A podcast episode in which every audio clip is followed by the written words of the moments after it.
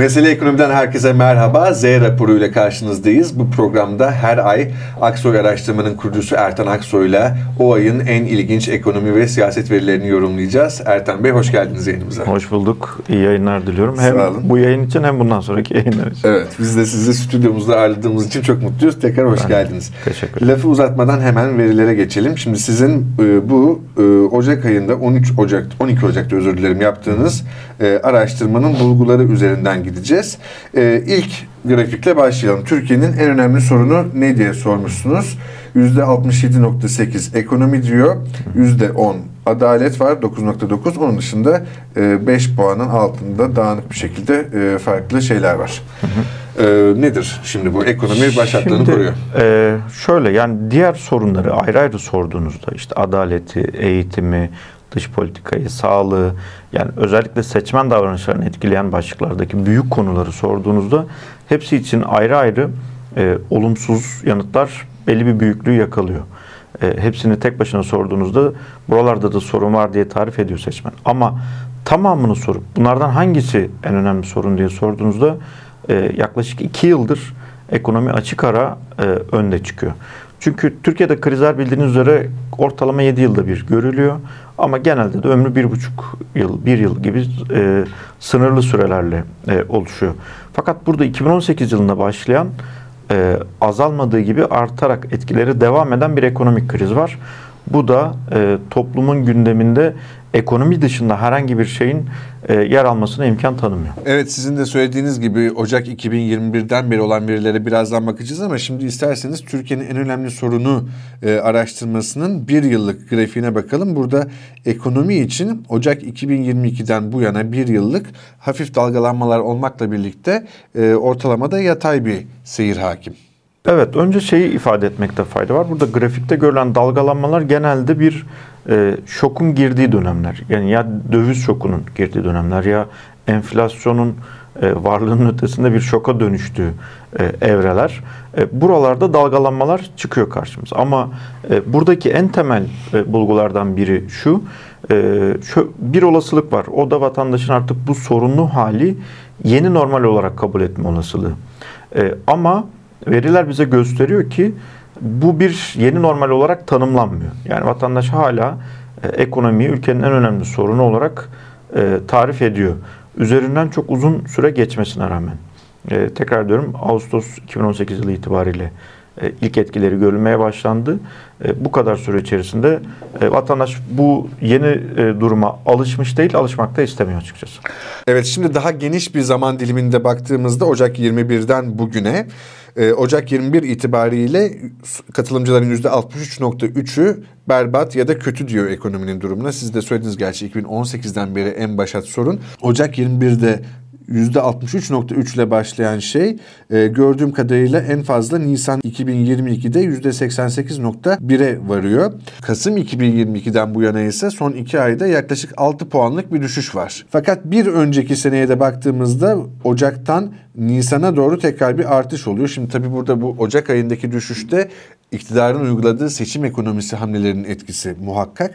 Ocaktan sonra yine önümüzdeki seçime doğru ve Nisan'a doğru e, mevsimsel etkilerle de ve ekonomi, seçim ekonomisi hamlelerinin etkisi sebebiyle tekrar bir artış görmemiz mümkün mü sizce? Şimdi şöyle e, iki şeye e, dikkat çekmek e, isterim. Sizin de ifade ettiğiniz gibi Kasım ayından bu yana %6 düzeyinde bir ekonomiyi kötü olarak tarif eden kitlede azalma var. Fakat iyi olarak tarif eden kitledeki artış %3'e denk geliyor. Yani aynı diyenlerin oranında kalan kısmı e, oluşturuyor. Şimdi buradaki e, asıl bize gösterdiği şey şu. Kabul edelim ki iktidar e, geçtiğimiz yılın son çeyreğinde e, vatandaşın e, birçok konuda hatta büyük konularda beklentilerini karşılayacak ciddi ciddi hamleler yaptı. 250 bin konut üzerinden 8 milyon insan konut hayali kurmaya başladı. E, KYK faizleri silindi.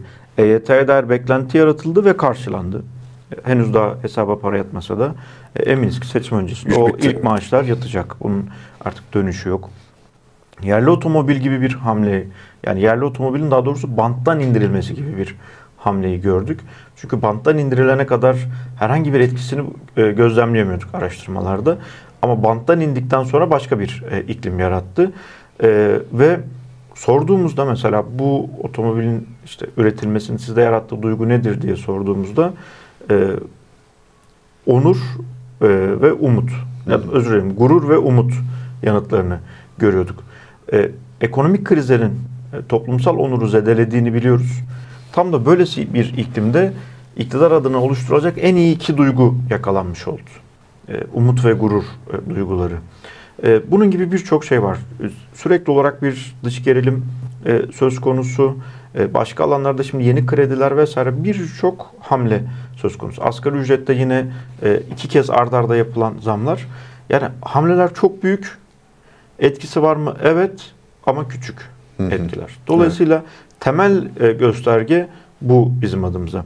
Şimdi burada 6 puanlık bir iyileşme var iktidar adına ama hala %77 bugün itibariyle daha doğrusu geçtiğimiz hafta itibariyle e, ekonomideki durumu kötü e, olarak tarif ediyor. Bu bize neyi gösterir? Bu şunu gösterir. İktisadın temel kuralından yola çıkarak toplumun nasıl bir e, oy tercihi içinde olacağını tahmin edebiliriz. O da şu, beklentileri değiştirebiliyor musunuz? Buradaki durum yine hem bu sorularda hem de bekleyişlere dair kullandığımız sorularda bir beklenti değişikliğinin izini göremiyoruz şu anda. İktidarın önündeki en temel sorunlardan bir tanesi bu açıkçası. Peki bir sonraki grafiğe geçelim. Kredi kartı kullanım sıklığını sormuşsunuz. Bu da ekonomi verilerin ek olarak sorduğunuz bir gösterge zannediyorum. Burayı az bir açabilir miyim? Tabii lütfen buyurun. E, bunu sormamızın nedeni şu. Şimdi geçen yıldan bu yana gözlemlediğimiz birkaç durum değişikliği var tüketici tarafında. Ee, geçen yıl bu tarihlerde insanlarda önce biz bir panik alışverişini hı hı. gözlemledik. Yani insanlar temel tüketim maddelerinde hatta buna düzenli tüketim maddeleri deniyor. Örneğin çay gibi işte veya belli e, gıda ürünlerinde e, bu ürünlerde mutlaka tüketeceğini bildiği ürünlerde fazla fazla alma tutumu başlamıştı. Sonra zaman içerisinde özellikle asgari ücretteki artış, enflasyonun tekrar tetiklenmesi hatta da büyük oranda patlaması satın alma gücündeki erimeden kaynaklı çoklu alım durdu, mevcudu almaya başladılar. Bir sonraki evresi özellikle Mayıs ayı gibi e, daha da enflasyonun hepten görünür olduğu tarihlerde şunla karşılaşmaya başladık. Ne tüketiyorsa kabul edilebilir sınırlar içerisinde e, görece daha kalitesiz olanını tüketmeye başladı insanlar. Örneğin X yoğurt markası en kaliteli yoğurt markası diyelim. Onu tüketirken kabul edilebilir bir kalite eşiğinde kalan Y marka yoğurda geçmeye başladı e, insanlar. Bu sayede aynı tüketim oranını koruyup e, sağlığını da çok fazla riske atmadan e, tüketimini devam ettirmiş oluyordu. Sonraki evrede mesela özellikle orta gelir grubun, orta ve orta üstü gelir grubuna daha çok e, adına bipolar tüketim dediğimiz bir davranışla karşılaştık. E, o da şu, başta beyaz yakalılar olmak üzere e, bir topyekün yoksullaşma duygusunun e, ardından belki biraz da kendini iyi hissetmek için belirli ürün gruplarını bir ya da birkaç ürün kalemini ayırıp onlarda mevcuttan da daha kaliteli ürünler tüketmeye başladılar. Örneğin şarap içiyorsa daha kaliteli şarap içmeye başlıyor insanlar. Veya tatile gidiyorsa daha iyi tatile gidiyor. Çünkü yaşamındaki diğer geriye kalan her şey geriliyor. E, o da bir belki bir psikolojik tutunma alanı olarak e, karşımıza çıkmıştı.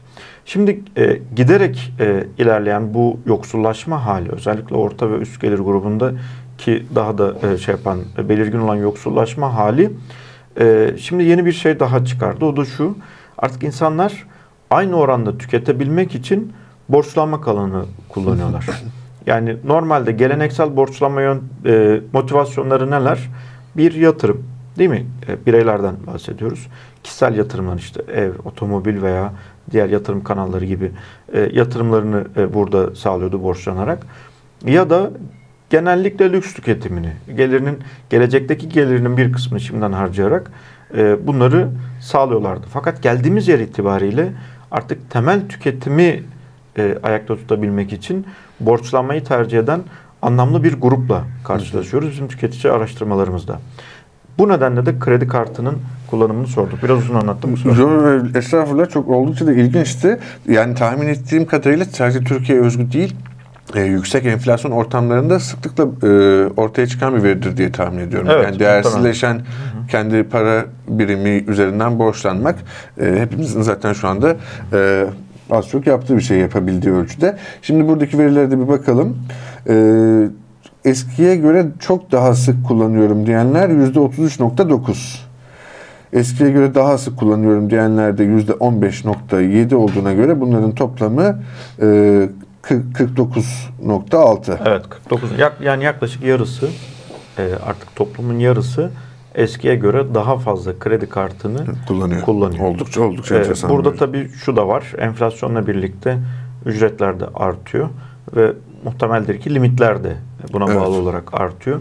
Kullanım imkanı da doğuruyor ve de, tam da dediğiniz gibi özellikle değerini kaybeden yerli para birimi üzerinden harcama e, çok daha fazla. Tasarrufları başka para birimlerinde tutup e, yerli para biriminden e, harcama daha fazla. Bu nedenle de şey bu arada şey de e, araştırmalarda görüyoruz. Yine başta beyaz yaka olmak üzere orta ve üst gelir grubunda e, tasarruf eğilimlerinin çok düştüğünü, e, nasıl olsa tasarruf edemeyeceğim duygusuyla, Hı hı. bakışıyla artık daha fazla e, gelirin e, önemli bir kısmı neredeyse bazen de tamamen hatta bazen gelirinden de fazlasını harcama e, eğilimi görüyoruz. Evet evet. Bu da yine yüksek enflasyon ortamıyla Evet. açıklanabilecek bir şey. Çok kenarda da tutarlı bu arada tabii. Çok yani. tutarlı. Kenarda para tutmanın, kefen parası tutmanın bir manası yok. Çünkü 6 ay sonra paranın hiçbir değeri kalmayacak. Şimdi sırada yaptığınız oldukça ilginç başka bir araştırmaya bakalım. Aile ve yakın çevrenizde ağırlıklı konuşma konularınız nelerdir diye sormuşsunuz. Bunu da kelime bulutu görselleştirmesiyle sunuyorsunuz. Ee, öne çıkan konuşma konuları ekonomi, pahalılık, gündelik siyaset. Hemen arkasından da zamlar ve enflasyon geliyor ve yani ekonomi, ekonomiyle ilgili şeyler ön planda. Şimdi burada dikkat ederseniz e, bir kere ben mesele ekonomi izleyicilerinin profilini az çok tahmin ediyorum. Kelime bulutuna da aşina olduklarını biliyorum ama yine de e, aşina olmayan izleyiciler varsa da onlar için açıklamak lazım. Buradaki ifadelerin büyüklüğü o ifadenin kullanım sıklığını gösteriyor. Yani büyük ise daha çok söylenmiş e, demektir. Küçükse daha az söylenmiş demektir. E, burada da büyük ifadelere baktığımızda, sıklıkla söylenen ifadelere baktığımızda aslında neredeyse tamamının ekonomi eksenli olduğunu görüyoruz. Evet. Yani e, toplum ekonomi dışında bir şeyi pek konuşabilir halde değil açıkçası. Evet. Mesela televizyon programlarına veya medya içeriğine de baktığınızda bugün bir sosyal bilimci oturup e, araştırma yapsa bugünkü üretilen içeriklere haberlerin çok anlamlı bir kısmının e, sadece zamlardan oluştuğunu e, görecektir. Çünkü toplum içinde bulunduğu durumun e, sözcülüğünü üstlenen medyayı daha fazla e, takip ediyor veya daha fazla oraya konsantre oluyor. Biraz da harcamalarını ve gelirlerini e, yönlendirmek için e, bunu yapıyor. Bu e, şey e, tablo bize işte ekonomi, pahalılık, siyaset, enflasyon ve dikkat ederseniz ekonomide de işsizlik daha geride çıkan bir durum. Evet. Daha çok satın alma gücü kaybı üzerinden bir tartışma var. E, bunu nereden anlıyoruz? Pahalılık, e, zamlar, Enflasyon. enflasyon, gibi e, yanıtlardan e, Evet. anlıyoruz. Benim- Tam benim- da aslında iktidarın tercihiyle de örtüşüyor. Evet. Yani büyümeyi tercih eden, enflasyonu göğüsleyen bir politika, e, bir siyaset tercih etti e, iktidar. E, Bu da aslında e, o siyasetin yarattığı sonuçların ve toplumda bulduğu karşılığın bir göstergesi. Benim gözüme çarpan enteresan bir veri e, kiraların daha yüksek olmasını beklerdim açıkçası. E, yakın çevreyle konuşma konusunda ben en azından yakın çevremde kira sohbetini çok sık duyuyorum.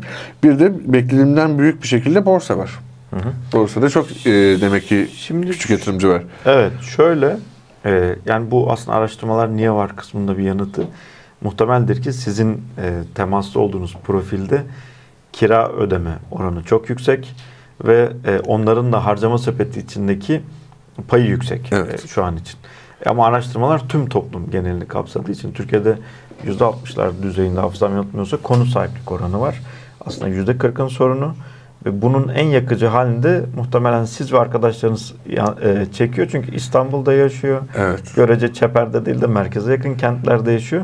Dolayısıyla benim memleketim olan Erzincan'daki kiracının derdiyle arkadaşlarınızın derdi evet doğru olmasa haklısınız. gerek. Ee, burada da şey e, onun sonucunu e, görüyoruz. Borsada özellikle tabii bu dönemde insanlar zorlukla kazandığı ve şöylesi ortamda tutabildiği tasarrufunu olabildiğince iyi değerlendirmeye çalışıyor.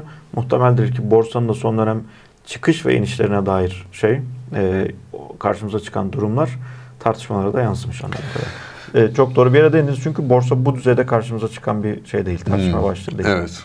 Bir de en çok ihtiyaç duyulan duyguyu sormuşsunuz. Yine bunun e, kelime bulutuyla gösteriyorsunuz. İhtiyaç duyulan tabii hiç e, şaşırtıcı olmayan şekilde mutluluk, huzur başta. Hemen akabinde e, yanlış görmüyorsam maddi refah ve güven geliyor. Hı hı. Şimdi aslında e, ekonomik krizi tartışırken genelde işte yani ekonomideki yansıması, işte satın alma gücündeki kayıp, ödeme zorlukları vesaire konuşuluyor. Fakat bu krizin diğer krizlerde olduğu gibi e, ek, sadece bir ekonomik yükü yok. Tüm bunların sonucunda yarattığı büyük bir psikolojik yükü de söz konusu. Özellikle bu kriz için bunu daha fazla söyleyebiliriz. Çünkü geçmiş krizleri incelediğinizde e, genelde bir alanı vuruyor ekonomide. Hı hı. İstihdamı vurabiliyor veya bir sektörü vurabiliyor. Örneğin finans sektörü gibi.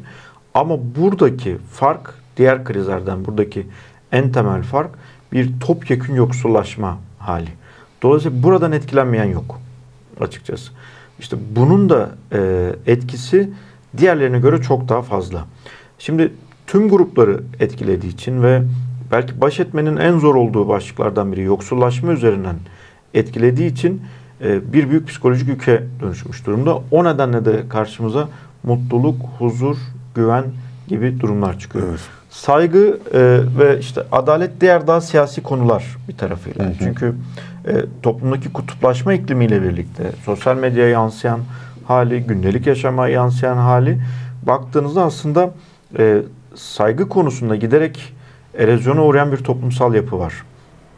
E, bu da çıkıyor karşımıza ama daha çok e, huzur ve mutluluk aslında bu büyük ekonomik krizin yaratmış olduğu büyük yoksullaşma halinin e, yarattığı belirsizlik duygusu üzerinden e, oluşan e, yük açıkçası. Bu birçok alana yansıyor. Mesela antidepresan e, kullanım sayılarına baktığınızda 2008 senesinde Türkiye'de 16 milyon kutu satılıyor. 2009 yılında bir yıllık krizin etkisiyle 16 milyondan 19 milyona çıkıyor. 2020 yılı itibariyle 54 milyona geliyor. 2021 itibariyle de 59 milyon kutu antidepresan satılıyor ülkede.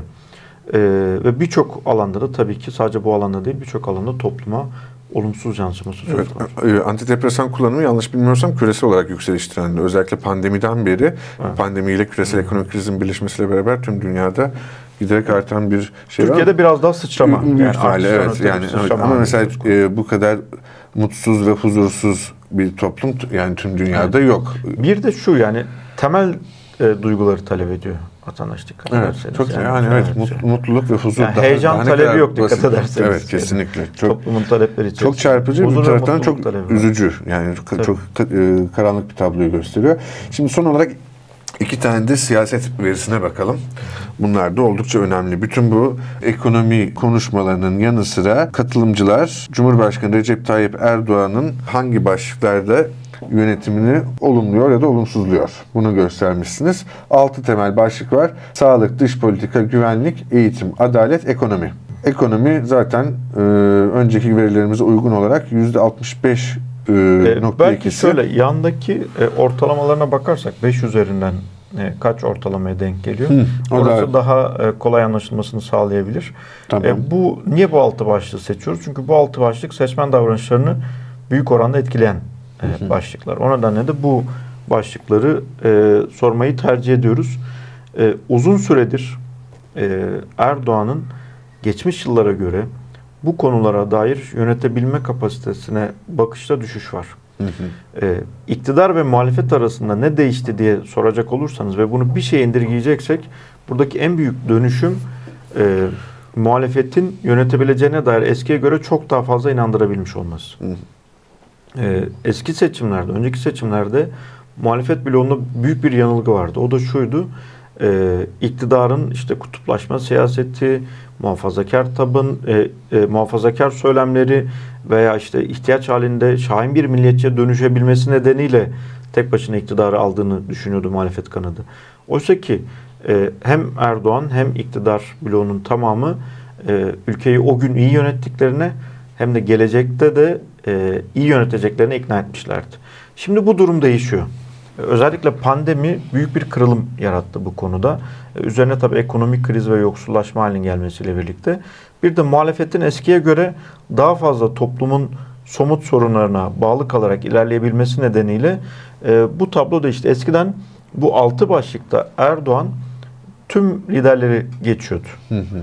E, ama şimdi örneğin e, Kılıçdaroğlu'nu sorduğumuzda, Sayın Kılıçdaroğlu'nu sorduğumuzda altı başlıkta kimisinde daha büyük farkla, kimisinde az farkla da olsa tamamında önde hı. çıkıyor. Ve burada Erdoğan'ın en çok e, zorlandığı üç temel başlığı da görüyoruz. E, eğitim, adalet ve ekonomi. en önde ekonomi. Evet. Yani diğer başlıklarda yine muhalefetle kıyasaya yarışabilir durumda. E, güvenlikte, sağlıkta, dış politikada e, başa başa yakın diyebileceğimiz yakınlıkta gidiyorlar. Ama eğitim, adalet ve ekonomide e, bir anlamlı bir gerileme hali söz konusu. Ee, son olarak da Cumhurbaşkanı'nın genel görev onayına bakalım. Genel olarak düşündüğünüzde Cumhurbaşkanı Sayın Recep Tayyip Erdoğan'ın görev yapış tarzını onayla, onaylıyor musunuz diye sorduğunuzda hayır onaylamıyorum diyenlerin oranı %54.2. Evet onaylıyorum diyenler %31.9, kararsızım diyenler de %14 ve partilere göre dağıtıldığında da e, zaten şaşırtıcı olmayan bir tablo söz konusu. E, bu gene e, son aylardaki trendi nasıl buna dair bilgi verir misiniz? E, şöyle, e, orası çok önemli. E, sormanız iyi oldu. E, mesela geçen yıl e, Mayıs aylarında daha düşük orandaydı görev Erdoğan'ın. 24'lere kadar, e, bir dönem 26'ya kadar düştüğünü e, bulmuştuk. Şu an artmış durumda. 31.9'a gelmiş durumda ve e, azımsanmayacak bir artış bence o döneme göre. E, özellikle ekonomik krizin devam ediyor olmasına rağmen e, bu artışı e, önemsemek gerektiğini düşünüyorum. Fakat yanı şunu da e, eklemenin bizi daha doğru bir sonuca götüreceğine inanıyorum. E, artışa rağmen şu an büyük çoğunluk e, görev onayı vermiyor. Hı hı. E, bu durumda değişebilmiş değil. Yani iktidarın son dönemki hamlelerine rağmen e, orada bir anlamlı değişiklik hali söz konusu değil. Çok büyük oranda 60'a 40 bloğu oluşmuştu iktidarla muhalefet arasında. Muhalefet 60'a yakın bir seçmeni hemen hemen her konuda yanına çekebiliyordu. İktidar bloğu ise, bloğu ise 40'a e, yakın. Şimdi bu durum biraz 55'e 45'e e, doğru gitmeye başlamış e, vaziyette. E, Ekonomik bunun, gidişatı da paralel tabii buradaki Evet yani iktidar hamleleriyle birlikte özellikle muhalefetin son iki buçuk yıl içerisindeki görece en dağınık hali hı hı. ki kendi için anlaşılabilir. Çünkü artık masanın hepten e, işte bakanlıkları konuştuğu, politikaları konuştuğu bir e, en daha basit anlaşılabilir konuları geçmişte bırakarak çürüterek şimdi daha zor konuları tartıştığı bir dönemdeyiz. E, anlaşılır ama biraz da uzun süren bir veya çok görünür bir hali var. O nedenle de hiç olmadığı kadar bir dağınık görüntü veriyor muhalefet. İktidar ise son iki buçuk yılın görece en toparlanmış görüntülerinden birini veriyor. Bunun da yansıması söz konusu ve evet. görev onayında artış var. Sınırlı da olsa bir artış olduğunu söylemekte fayda Evet ama şimdi bir kilometre taşındayız. Seçim tarihi açıklandı. Önümüzdeki günlerde altılı masanın ortak adayını açıklaması bekleniyor.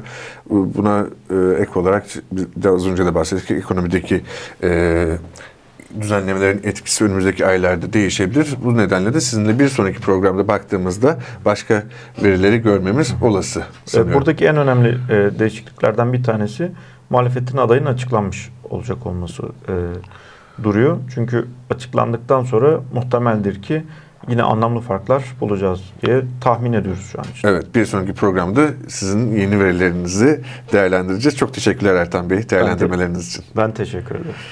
Z raporunda Ertan Aksoy ile Ocak ayındaki en çarpıcı ekonomi ve siyaset verilerini değerlendirdik. Bizi izlediğiniz için teşekkür ederiz.